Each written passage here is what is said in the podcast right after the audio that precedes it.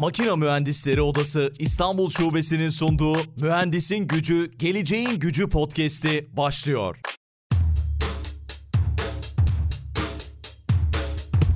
Mühendisin Gücü, Geleceğin Gücü podcast'inin yeni bölümünden herkese merhaba. Üçüncü sezona devam ediyoruz ve dünya üzerinden yine harika konukları burada ağırlamaya da devam ediyoruz. Gökhan Yıldız şu anda karşımda. Kendisinin çok güzel bir hikayesi var. Kurumsal hayattan kendi danışmanlık şirketine uzanan bir hikaye ve şu anda da Dubai'de hayatını sürdürüyor. Gökhan Bey selamlar, merhabalar, hoş geldiniz. Merhabalar, merhabalar Aykut Bey. Hoş bulduk, sağ olun, teşekkürler. Bu bölümde sürdürülebilir geleceğe yolculuk diye bir başlık seçtik ve çevresel sosyal yönetişimi aynı zamanda iş güvenliği ve sağlığını konuşacağız. Bu kavramlar son dönem içerisinde çok çok önemli hale geldi. Sizin de danışmanlık yaptığınız son dönemde odaklandığınız konular arasında yer alıyor. Ama öncesinde isterseniz Gökhan Yıldız'ı tanıyalım. Neden şu anda Dubai'desiniz? Hayat niye oralara götürdü sizi? Belki hikayenizi anlatırsınız. Ondan sonra da konumuza gireriz, başlarız diye düşünüyorum. Tamam süper tabii seve seve Aykut Bey. Ben 2005 senesinde ODTÜ Endüstri Mühendisliğinden mezun oldum. Daha sonrasında e, yüksek lisansımı yapmak için Eindhoven Teknik Üniversitesi'ne geçtim. Orada e, lojistik ve operasyon yönetimi üzerine yüksek lisansımı tamamladım. 2006 senesinde Shell petrol şirketi Shell'in genel müdürlüğünde Lahey'de işe girdim ve yaklaşık 2022 yılına kadar 2022 Mart ayına kadar Shell'de çok değişik rollerde görev aldım. Rafinerilerde çalıştım, işte petrol çıkarmada görev aldım. Irak, Kazakistan projeleri, İngiltere'de dizayn aşaması olsun. Ondan sonra tekrar genel müdürlükte bir transformasyon, büyük bir değişim projesinde program yöneticisi olarak görev aldım. Ve tabii bunları yaparken hep ben iş güvenliği, çevre, bizim biz Health, Safety and Environment, HSE diyoruz. İkisini de karışık kullanabilirim alışkanlıklardan dolayı. Hep e, bu e, çerçevede kaldım. E, artı bunun üzerine kurumsal sosyal sorumluluk tarafını da e, girdiğim alanlar oldu. 2020 yılında tam Hollanda'ya e, dönme kararı aldık ailemle beraber. Tabii hani Hollanda'da girdim şele ama devamlı Hollanda'da kalmadım. Hani değişik projelerde çalışırken 2011 senesinde Dubai'ye taşınmıştık. Sonra Dubai'yi biraz böyle bir merkez e, belleyip hani bu bölgedeki diğer projelere, projelerde görev almıştım. 2020 yılında tam dönüyorduk. Covid nedeniyle dönemedik e, Hollanda'ya. Covid bizim hayatımızda büyük bir değişimi getirdi birçok insanın olduğu gibi. Ve evden çalışma düzenine geçtik. Zaten daha sonrasında Hani ona alıştıktan sonra Dubai'de kalmaya e, karar verdik. Hem çocuklar hem de kendimiz, ailemiz gayet mutluyduk. 2022'nin başında e, Shell'den ayrılma kararı verdim ve daha sonra dünyanın ilk ISG e, yapay zeka tabanlı Health and Safety platformu olan Intenside'a çalıştım. İş geliştirme direktörü olarak. Ve 2023'ün Kasım yani geçen ay itibariyle de sizin de belirttiğiniz gibi kendi danışmanlık şirketimi kurdum. Bu şekilde özetleyebilirim kısaca. Harika. Peki şeyi merak ediyorum yani uzun yıllar Shell gibi bir petrol şirketinde çalıştıktan sonra bir yapay zeka şirketi olan Intensa'ya geçme kararı vermişsiniz. Bu hı hı. nasıl gerçekleşti? Yani son dönemde duyuyorum işte insanlar şey diyorlar mesela işte yapay zeka gelecek ve benim işimi alacak o yüzden ben başka başka şeylere odaklanmam gerekiyor. Sizin de evet. motivasyonunuz böyle bir şey miydi az çok? Yani yapay zeka yükseliyor bir yandan da fosil yakıtlar e, inişte düşüşte Hani bu tarafta evet. o kendimi geliştirmem gerekiyor gibi bir motivasyonla mı geçtiniz? Aslında tabii o da motivasyonlardan biriydi e, diyebilirim. Ben de aslında bu uyanış hani ona bir uyanış dersek aydınlanma özellikle dijital ve e, yapay zeka anlamında ben Harvard Business School'da bir executive program yaptım. Yani bir yöneticilik programı yaptım. Bu Executive MBA benzeri bir programdı. Yaklaşık 9 ayda bitirdim programı. İşte belli kısımlarını kampüste yapıyorsunuz, belli kısımlarını uzaktan yapıyorsunuz. Ve çok keyif aldığım bir e, program oldu işin açığı. Yani uzun bir aradan sonra tekrar akademik dünyaya daha pratik uygulamalarla döndüm. Artı Harvard gibi böyle bu anlamda birçok şeyin uzun vadeli stratejik olarak resminin çizildiği, adımların atıldığı bir ekosistemde de birinci elden o profesörlerden dinleme fırsatı buldum diyebilirim. Ve o derslerin içerisinde en beni gerçekten böyle hani wow dedirten derslerden biri dijital dersleri oldu ve orada da bu makine, machine learning ve yapay zeka üzerine birçok case study yaptık. Ve ben çok net bir şekilde kafamda şu oluştu o, o vakalardan. Dünya değişiyor sizin dediğiniz gibi. Makro dengeler değişiyor ve bu yapay zeka gümbür gümbür geliyor. Ve bizim alışık olduğumuz birçok uygulamayı da ciddi anlamda yerinden oynatacak hani disrupt deniyor ya disrupt edecek şekilde geldiğine kesinlikle kanaat getirdim. Ve yine burada gördüğüm şeylerden biri yapay zeka geliyor ama yapay zekaya aslında benim yaptığım şeyi e, disrupt edebilir mi edemez mi üzerine bayağı bir derinlemesine indik mesela oradaki derslerde.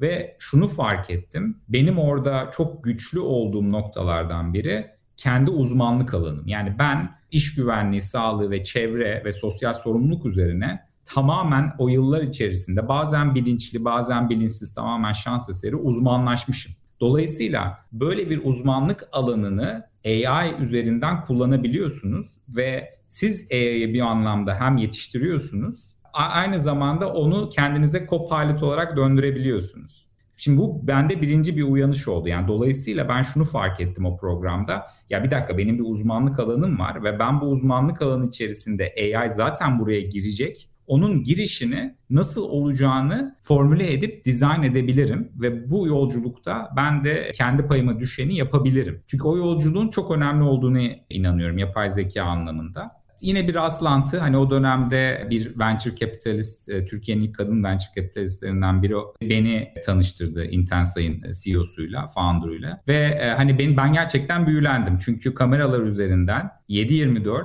e, işletmeleri analiz edip kamera görüntülerini anlık olarak iş güvenliği konusundaki uygunsuzları yakalayabilmek gerçekten çok büyük bir değişim, çok büyük bir dönüşüm olacaktı. Hani bu anlamda şöyle diyebilirim hani sorunuza cevap olarak. Evet işte petrol küçülen bir dalga, zayıflayan bir dalga, üzerinde baskı olan bir dalga.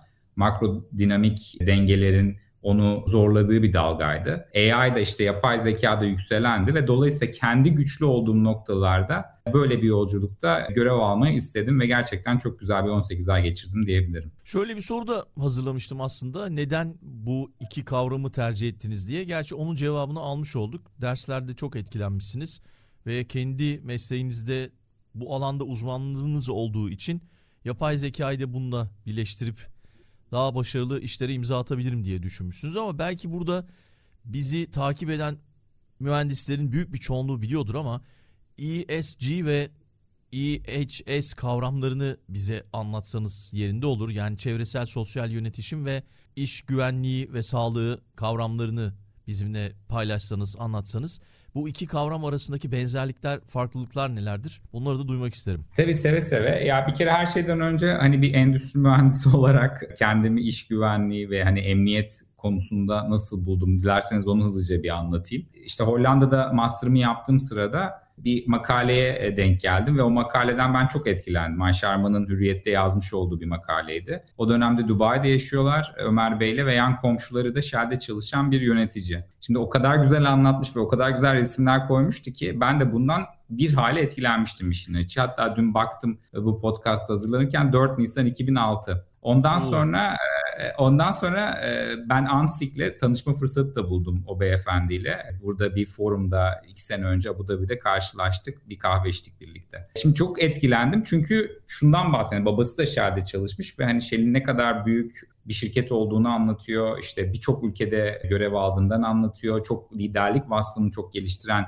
e, yönlerini özellikle vurguluyor ve toplum için neler yaptığından bahsediyor. Ben de o anlamda işte hani böyle Hollanda tabii önde gelen şirketlerinden biri bir master'a başvurdum ve geçtim mülakatları ve bana dediler ki tamam bize gel master'a başlayabilirsin. Şimdi ben de döndüm Philips'te e, tabii Eindhoven Philips biliyorsunuz zaten şehir iç içe hatta böyle üniversite Philips'in kompleksinin üzerine kurulmuş bir şekilde. Tabii biz orada ben hani research asistanlığı falan yapıyorum. Tamamen inovasyon teknoloji üzerine gidiyoruz. Birden böyle Shell'den böyle bir fırsat çıkınca tabii ilgilenirim dedim. Fakat akademik beni destekleyecek bir mentor bulamadım Aykut Bey. Yani dediler ki hani bu çok teknik hani işte böyle çok şey. En sonunda birini buldum Profesör Karidas. Dedi ki tamam ben seni desteklerim ama eğer health and safety'de yaparsan. Şimdi çok ilginç ben de HSC ne demek bilmiyorum yani o ne demek dedim yani hani bu bir güvenlik gibi bir şey mi? Fakat tabii işin içine girince işin ne olduğunu anladık ve bunun üzerine bir white paper da yayınladık zaten kendisiyle birlikte. Emniyet gerçekten yüksek riski olan yerlerde çok önemli bir şey. Ve bu aslında bizim Hani sadece emniyeti normal iş yapış şeklinden ayıramıyorsunuz. Bu arada yani ben 2-3 sene orada kalıp sonra ayrılabilirdim. Hani işte procurement departmanı, lojistik departmanı, işte e, iş geliştirmeden falan birçok teklifler geldi kariyerim boyunca. Ama ben hep health and safety'de kalmayı yeğledim. Neden yeğledim o sorunuzun içinde hani bir alt soru olarak da neden kalmayı yeğledim diye sorarsanız da aslında eğer siz iş güvenliğini ve teknik emniyeti doğru bir şekilde yaparsanız bu iyi bir işletmeye de tekabül ediyor. Yani orada zaten kültürel olarak insanlar kendilerini daha özgür hissediyorlar, daha angaje hissediyorlar, daha verimli bir şekilde çalışabiliyorlar ve bu otomatikmen şirketlerin karlılığını da arttırıyor zaten. Yani Shell gibi büyük şirketler için bu tamamen tartışılmaz bir konudur. Bunu yapacağız ama bunu biz bir adım öteye nasıl taşıyabiliriz kaygısı taşıyoruz her zaman. Ve bu da beraberinde ne getiriyor? Mesela ben size bir günümü anlatsam Irak'ta sahada çalışırken işte sabah yemeğinde e, bakım müdürüyle bir şeyi konuşuyorum. Ondan sonra gidip sahadaki operatörle başka bir şey konuşuyorum. Ondan sonra kendimi yan işte komşu e, çiftçilerle toprak altındaki su, suya sızmalar konusunda işte bilgilendirme için konuşurken buluyorum. Oradan çıkıyorum işte Çevre Bakanlığı'ndan yetkililer gelmiş bizi denetliyor onlarla konuşuyorum. Ondan sonra dönüyorum mesela bizim Managing Director'la CEO'muzla konuşuyorum. Yani şimdi Health and Safety dediğiniz zaman ve çevreyi de eklediğinizde bu her yere dokunabiliyor. Yani o bütün paydaşları gün boyunca onu sistemik bir şekilde konuşuyorsunuz ve onları e, doğru bir şekilde, sistemik bir şekilde çalışmaya yönlendiriyorsunuz ve bunun sonucunu da görebiliyorsunuz. Çünkü bu aynı zamanda size verimlilik ve karlılık olarak da geri dönüyor aslında. Şimdi ben o, o, o bana büyük bir keyif verdi. Yani o bütün sistem hani büyük resime bakabilmek, o mühendislik güdülerimi kullanabilmek değişik yerlerde, değişik işte design aşaması olsun, işte yapım construction aşaması olsun, operasyon aşaması olsun. Bunların hepsini test edebilme ve deneyim yani edebilme fırsatı buldum. Dolayısıyla benim çok keyif aldığım bir şey. Tabii yıllar içerisinde özellikle 2015 Paris Agreement'ından sonra dünyada bu ESG kavramı ortaya çıktı. İşte Environment, Social e, and e, Governance kısmı çıktı. Şu anda çok büyüyen bir dalga. Özellikle bu işte küresel ısınmadan dolayı işte karbon ayak izinin düşürülmesi konusunda. Fakat biz gene bir petrol şirketlerinde bunların kendi sistemlerimizde bunları bir şekilde parça parçak da pinçik de olsa bir şekilde yapıyorduk zaten. Ama özellikle 2015'teki o kararlardan sonra bunu biz daha çok daha sistematik bir şekilde yapmaya başladık. İşte oradaki inisiyatifler olsun, işte e, bazı e, Avrupa direktifleri olsun, işte United Nations'ın çıkardıkları SDGs'ler olsun. Hani bütün o çerçevenin oluşturulmasında, onun içinin doldurulmasında aktif olarak görev aldık. Çünkü etrafınıza baktığınızda hani bu işlerle en yakından kim uğraşıyor diye sorduklarında ilk elini kaldıran departman bizler olduk. Dolayısıyla ikisinin arasındaki benzerliği konusundaki sorunuza da o şekilde yanıt verebilirim. Yani aslında aynı temele oturuyorlar, aynı paydaşları adresliyorlar ve o aynı sistemik yaklaşımla ancak çözüme gidebilme felsefesini taşıdıkları için çok fazla ortak özellikleri var. Peki bu iki kavram politikasını uygulayarak nasıl bir fayda sağlayabilir işletmeler? Bir de yani az önce söylediğiniz bu bizim işimiz ESG kimin işi diye bir soru hazırlamıştım. İkisi hı hı. arasındaki politikaları uygulayarak nasıl bir fayda yaratabiliriz? Belki bu önemli diye düşünüyorum. Bizi dinleyen, takip edenler evet, için. Evet. Şimdi bu e, benim çok hani böyle temel sorulan ilk sorunuzla başlayayım. İlk temel sorulan sorulardan biri budur Aykut Bey. Ya biz bunu yapacağız da hani bize faydası ne olacak? Değil mi? Yani işte genelde baktığınızda hani birçok bu arada ben ben birçok hani denetleme fırsatı da buldum kariyerimde değişik şirketleri gittim denetledim. Bazen sekondi oldum. Kazakistan rolünde mesela İtalyan bir şirkete. Mesela onlarla beraber çalışma fırsatı da buldum. Şimdi burada kültürel anlamdaki şey çok etki ediyor. Yani e, olgunluk hani cultural maturity dediğimiz İngilizce. Gerçekten birçok şeyi belirleyebiliyor. Ve genel olarak baktığımda aslında bu sorunun cevabını hani ben üçlemeyle yanıtlayabiliyorum. Yani birçok insanı da bu şekilde ikna edebilirsiniz zaten. Logos yani mantık kısmı, lojik kısmı. Bazı insanlar tamamen sayılarla gidiyor. Yani mesela işte atıyorum siz diyelim ki Irak'ta bir proje yapacaksınız. Eğer siz yol emniyeti konusunda hiçbir önlem almazsanız işte 1 milyon kilometre yolda veya işte 10 milyon kilometre sürdüğünüz zaman en az bir kişinin ölümüne sebep, sebebiyet vereceksiniz. E bunun 10 katı yaparsanız 10 kişinin ölümüne sebebiyet Doğru. vereceksiniz. Şimdi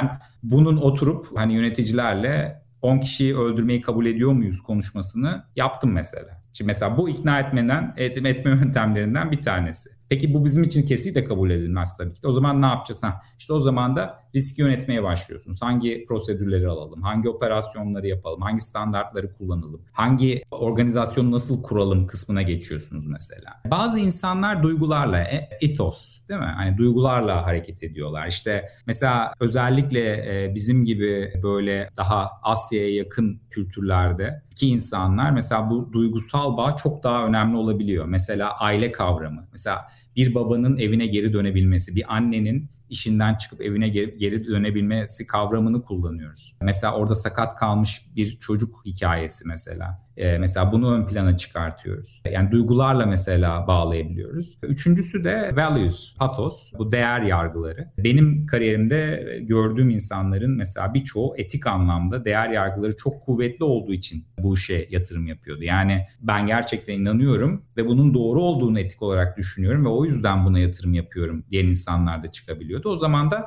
ona yönelik uygulamalarda bulunuyorduk. Dolayısıyla hani bunun faydası nedir diye sorduğunuzda aslında özellikle hani health safety and environment kısmında, iş güvenliği kısmında Aykut Bey bizim en büyük yaşadığımız dilema yani ikilem. Dün hayatını kurtardığınız bir insanı nasıl gösterebilirsiniz? Dün önlediğiniz bir mesela overpressurization işte yüksek basınçtan dolayı bir kazanın patlaması mesela atıyorum örnek veriyorum veya bir tankın aşırı dolması ve sızıntıya sebep olmasını önlediniz belki. Bunu nasıl gösterebilirsiniz? Ya yani bu önlenen bir şeyi gösterebilmek o kadar zor ki kimin kaç kişinin hayatını kurtardım 20 yıllık kariyerimde sorusunun cevabını ben matematik olarak verebilmem neredeyse mümkün değil. Ama aldığım şeylerle birçok insanın hayatını kurtardığına eminim bulunduğum projelerde. Artı bunun da bir katma değer yarattığından da eminim. Ama bunun boyutunun ne olduğunu hesap edebilmek gerçekten bir nevi şey hani şey kullanırdık. Icebergler işte bu buzdağları. Sadece üstünde bir parça görüyorsunuz ama aslında altında çok daha büyük şeyleri engelleyebiliyorsunuz yani. Doğru. E, dolayısıyla bunun böyle hani direkt işte ben bunu yaptım 100, 100 bin dolar koydum karşılığında 3 milyon dolar aldım gibi bir matematiği yok. Bunun o yüzden bu üçlemeyle genellikle hani ben gitmeyi tercih ediyorum. İşin eğer ESG kısmına gelirseniz bu iş bayağı bir tık daha da zorlaşıyor. Çünkü burada ikna etmeye çalıştığınız şey hey bir dakika dünya ısınıyor. Bir buçuk derecenin de üstüne çıkacağız ve bunun için bir an önce bir şey yapmamız lazım çok teşekkür ediyor. Bak herkes burada ben COP28 buradaydı. Biraz yani kendim de gidip Gidebildiniz mi? Onu söyleyecektim evet ziyaret etme fırsatı buldum tabii ama hani o bütün bakanların işte United Nations'ın falan olduğu yere gir, giremedim. Yani oraya girebilmek zaten bölge çok bölge zor. sanırım galiba. Herkesin evet, zon, zonlar var. Evet. evet. Zonlar vardı. Mesela benim o asıl kararların alındığı yere ben giremedim ama onun etrafındaki diğer yerlere gittik. Zaten Expo'dan kalan birçok şey hala yerindeydi. Ama tabii orada şeyleri takip edince hani böyle genel akımları işte birkaç şirketin e, webinarlarını ve benzeri şeyleri takip edince zaten konuyu kapıyorsunuz. Evet bir değişim var var. Fakat bu değişim ne kadar hızlı? Ne kadar hızlı yapabiliriz ve bunu yapabilmek için ne yapmamız gerekiyor? Şimdi bir, bir kere birincisi bir şeyin e, ölüm kalım meselesi olduğunca yani psikolojik olarak direkt kendimiz mesela şeyi e, atlayabiliyoruz. Aa evet bu çok ciddi bir şey benim bir an önce önlem almam lazım. Ama tutup da bakın işte bir buçuk derecenin üzerinde ısıtırsak dünyayı Bangladeş'e su basacak. Bir milyon insan yerinden oynayacak. Belki Amsterdam bile sular altında kalma riskini alacak. Yani bu, bu insan kafası bunu almıyor. Çünkü bu lineer bir şey değil. Çok hemen önünde olan bir şey değil. Yani öyle bir uyanışın olabilmesi de çok zor. Yani dolayısıyla çok katastrofik sonuçları olacak olan bir şeyi insan kafası imagine edemiyor yani onu tasavvur edemiyor. Dolayısıyla oradaki iş hani tamam biz bunu yapalım da sonucu ne olacak işini ikna etme kısmı çok daha zor.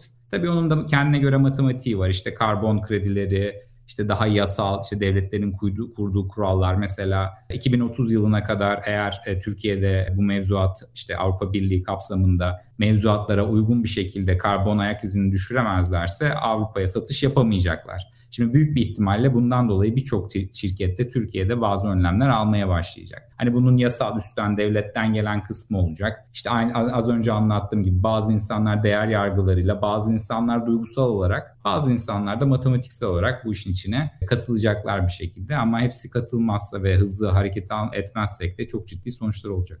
Ya tabii ben de özellikle Dubai'de gerçekleşen organizasyonu LinkedIn üzerinden takip etmeye çalıştım. Çok fazla giden oldu Türkiye'de. Ama gerçekten hani bir şeyler yapmak için mi orada şirketler biraz böyle yani kimse yanlış anlamasın ama böyle tatil bir havası gibi e, gözlemledim gidenlerin. Bu arada Türkiye'den bayağı bir giden olmuş. Mesela o da enteresan. Yani onu nasıl gözlemlediniz bilmiyorum. Ve Hı-hı. tabii şey Avrupa'daki önlemleri takip ediyorum. Mesela 2030'dan sonra doğalgaz kalkacak. Bence müthiş devrim gibi bir şey yani. Çünkü özellikle bu savaş döneminde ne kadar bağımlı kaldıklarının farkına vardılar. Ve şimdi onun önlemini alıyorlar. Ama baktığımızda Türkiye'de de işte jeopolitik konumdan dolayı biz daha yeni yeni doğalgaz ulaştırdığımız merkezler var, lokasyonlar var. Çok enteresan yerlere gidecek diye düşünüyorum açıkçası. Ya, tabii evet yani aslında sizin bu bahsettiğiniz kaygı hemen hemen her şeyde var. COP'da var. Önümüzdeki sene Bakü'de olacak. İşte geçen sene Sharm el. Bu sene Dubai'deydi. Baktığın zaman World Economic Forum'da da işte Dünya Ekonomik İşbirliği Forum'unda da gene aynı hikayeler dönüyor işte. Geliyor geliyor insanlar. Mesela biz hani o, o gün denizdeydik. COP biliyorsunuz iki hafta boyunca oldu. İlk işte ilk açılış haftasının olduğu gün burada yatlara helikopterlerle gelip gidiyorlar falan. Hepsini görüyorsunuz. Evet.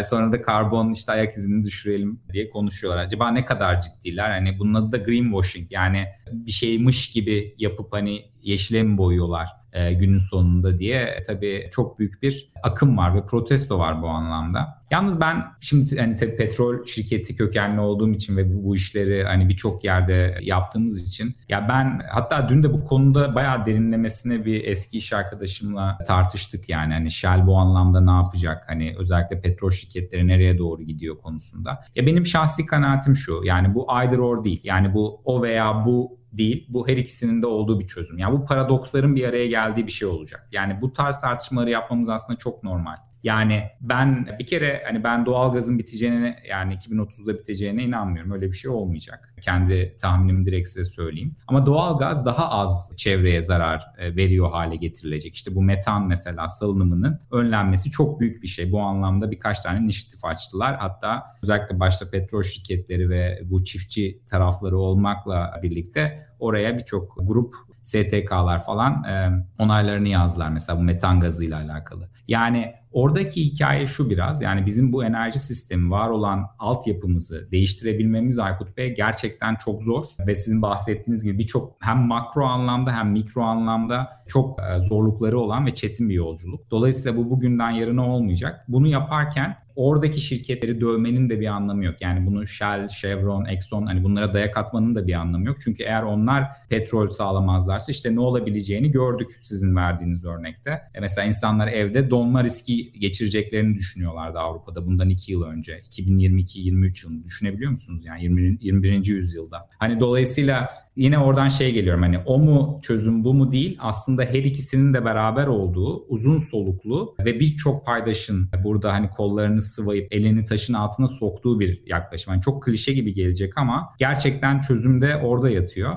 E tabi bu da kolay değil. Yani hafta sonu bir işte Birleşmiş Milletler'de burada e, yetkili bir tanıdığımızla e, yemekteydik. Mesela o da hani kendi yaptığı bir inisiyatifi anlattı. Yani kolay değil tabii. Yani düşünseniz orada hani yüz küsür ülkeden insanlar dedi ki mesela iki gün boyunca kelimeleri değiştiriyoruz. Acaba May mi yazsak, kul mu yazsak? Yani mesela bunun üzerine evet. saatlerce insanlar tartışıyor. Yani aksiyon aldırtabilmek de çok zor. Bu kolay bir iş değil. Ama tabii bunun çözümü de hiçbir şey yapmamak da değil yani. Hani biraz olacak yani ve ufak ufak adımlarla ilerlemeye devam edilecek diye düşünüyorum. İşte o ufak ufak adımlar da yetmiyor. Yani bunun da hepsi söylüyor. Yani bizim daha fazla, daha agresif hareket etmemiz gerekiyor. Türkiye konusunda bu arada Türkiye Renewables özellikle yenilenebilir enerji konusunda çok büyük adımlar attı. Özellikle bu e, güneş panelleri olsun, işte wind enerji olsun o anlamda ciddi boyutta yapılan şeyler ve özellikle benim daha önce bahsettiğim Avrupa direktifleri kapsamında çünkü en büyük pazar biliyorsunuz Türkiye için Avrupa. Bu işin daha da ben derinleşeceğine ve gelişeceğine inanıyorum. Ve Türkiye'nin altyapısının da buna müsait olduğunu düşünüyorum. Yani hem rüzgar hem doğa çevresi bakımından da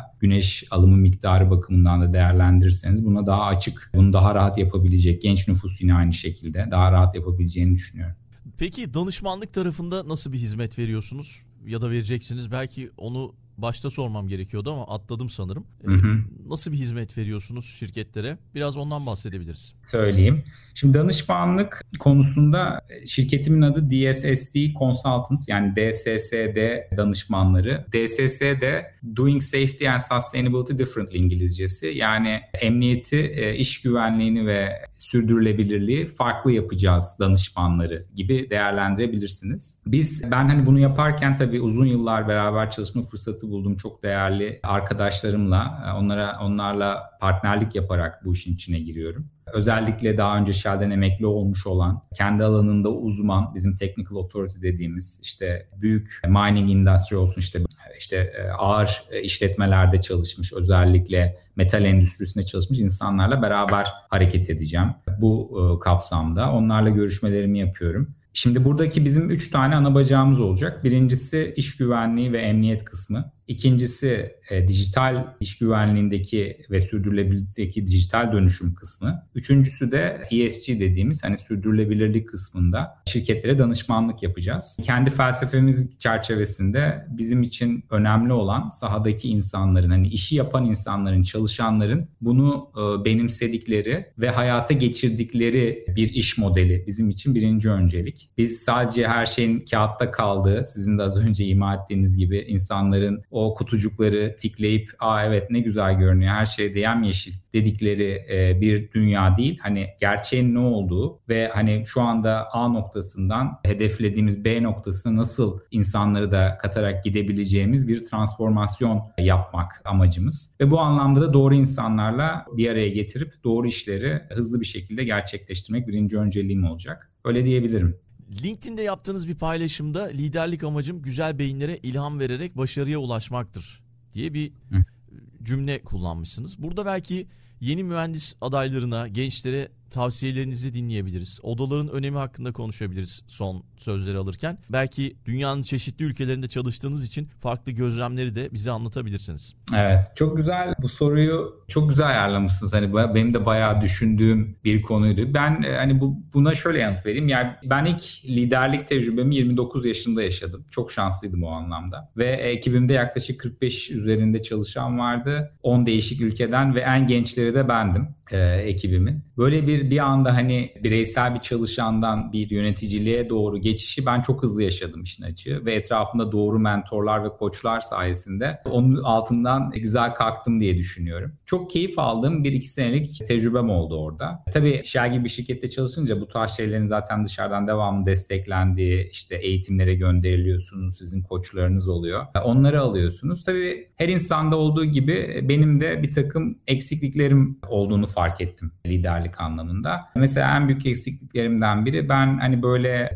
tembelliğe çok fazla toleransım yok. Yani mesela bir insan tembellik yaparsa onu çok fazla tolere edemiyorum. Tabii bunun çok fazla dezavantajları olduğunu da fark ettim ve bunun üzerine bayağı yoğunlaştım, çalıştım. Hani böyle ileriye geçelim 12-13 yıl sonra kendimi Boston'da bir odada hiç tanımadığım 4-5 kişinin bana geri bildirim bulurken, verirken buldum. Ve bana geri, verdikleri geri bildirim, bu insanları ben bir haftadır falan tanıyordum yani. Geri bildirim benim yaklaşık 13-14 yıl önce aldığım geri bildirimin aynısıydı. Ya işte insanlar hani tembelliklerine karşı toleransın Gökhan düşük. Bu beni bayağı bir düşündürdü Aykut Bey. Yani neden böyle? Yani ben bunun üzerine çok zaman harcadım, e, çok mesai sarf ettim ama neden hala böyle? Ve çok ilginç bir şey keşfettim orada mentorlarımın da yardımıyla. Aslında bizim zayıf noktalarımız çok güçlü noktalarımızdan kaynaklanıyor. Yani bir şeyde çok güçlü olursanız Aşil'in topuğuna dönüyor o güçlü olduğunuz şey. Mesela ben karakterim gereği işte çok hırslı hani bir hedefi koyunca ona odaklanan bir yapım var. Dolayısıyla aslında o hani zayıflığımın da sebebi olan şey o güçlü olan şeyden kaynaklanıyor. Ve o güçsüz olan yönlerinizi, zayıf yönlerinizi aslında siz fix edemiyorsunuz. Yani ortadan kaldıramıyorsunuz. Çünkü onu ortadan kaldırırsanız aşil topu gibi kendinizi vurmuş oluyorsunuz. Dolayısıyla bende bu uyanış olunca şöyle bir şey oldu. Tamam yani hani ben hedef koyuyorum, oraya doğru gidiyorum ama ben bunu yaparken kapsayıcı bir şekilde yapmayı çok seviyorum. Diğer insanları da bu işin içine katarak. Peki bu güçlü olan yönümü daha da güçlendirebilir miyim? Mesela insanlara bu anlamda hani benim çok aldığım geri bildirimlerden biri enerjimin çok hızlı yayıldığıdır mesela. Hani çok hızlı gaza getirebilirim insanları. Inspire diyor ya hani İngilizce'de. Motive edebilirim, ilham verebilirim. Mesela bunlar benim güçlü yönlerim. Bu sefer de o güçlü yönlerimi daha ön plana çıkarmaya başladım. Ve şunu gördüm hayatım boyunca. Aslında siz insanlara nasıl davranırsanız ve onları nasıl hani söylerseniz onlar da onu yapıyorlar günün sonunda. Onları motive etmek, o güzel beyinleri, her birinin içerisinde güzel şeyler var ve onu ön plana çıkarmasına yardımcı olursanız da onları başarılı yapabileceklerdi. Dolayısıyla benim liderlik ilkem buna evrildi. Yani o güzel beyinlere ilham vererek birlikte bir şeyleri başarabilmek. Zaten baktığınız zaman şu andaki şirketimde de danışmanlar dememin hani çoğul olarak yapmamın en büyük sebeplerinden biri. Değilse ben bu işe kendim de girişebilirdim ama en büyük hazzı diğer insanlarla beraber bir şeyler çıkarmaktan aldığım için yine orada da bunu e, görebiliyorsunuz. Odalar konusuna geldiğimizde ben odaların çok önemli olduğunu birkaç noktada gördüm. Mesela Shell'deki son işlerimden biri bu International Oil and Gas Producers, petrol, bütün uluslararası petrol çıkaranlar, üretenler şirketlerinin bir association diye geçiyor İngilizcesi ama onların işte kurmuş oldukları bir oda da ben hani Shell'in görevlisi olarak çalıştım. Ee, mesela orada özellikle endüstriyel anlamda en iyi uygulamaların çıkması, karşılıklı bunları kıyaslayabilmemiz, işte oradan standartlar çıkarıp bu standartları bütün endüstriye uygulayabilmek. Yani uzun lafın kısası ölçeklenebilmek için çok önemli odalar. Yine Intenside'de yapay zeka şirketinde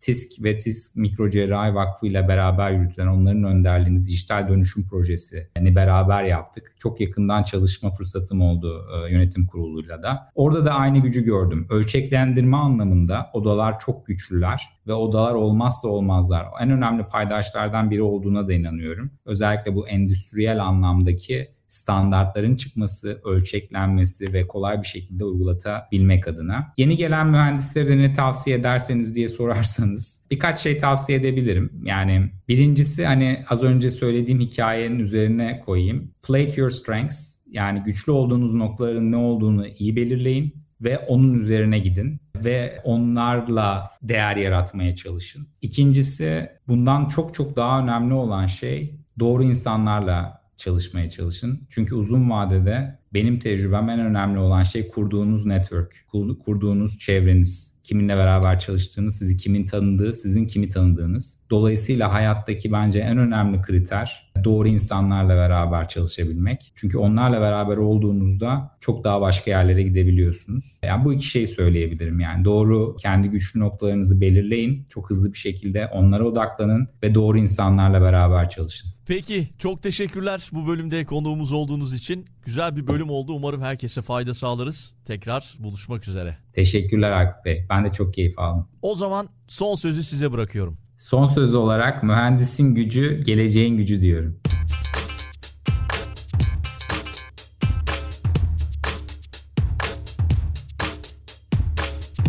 Makina Mühendisleri Odası İstanbul Şubesi'nin sunduğu Mühendisin Gücü, Geleceğin Gücü podcast'i sona erdi.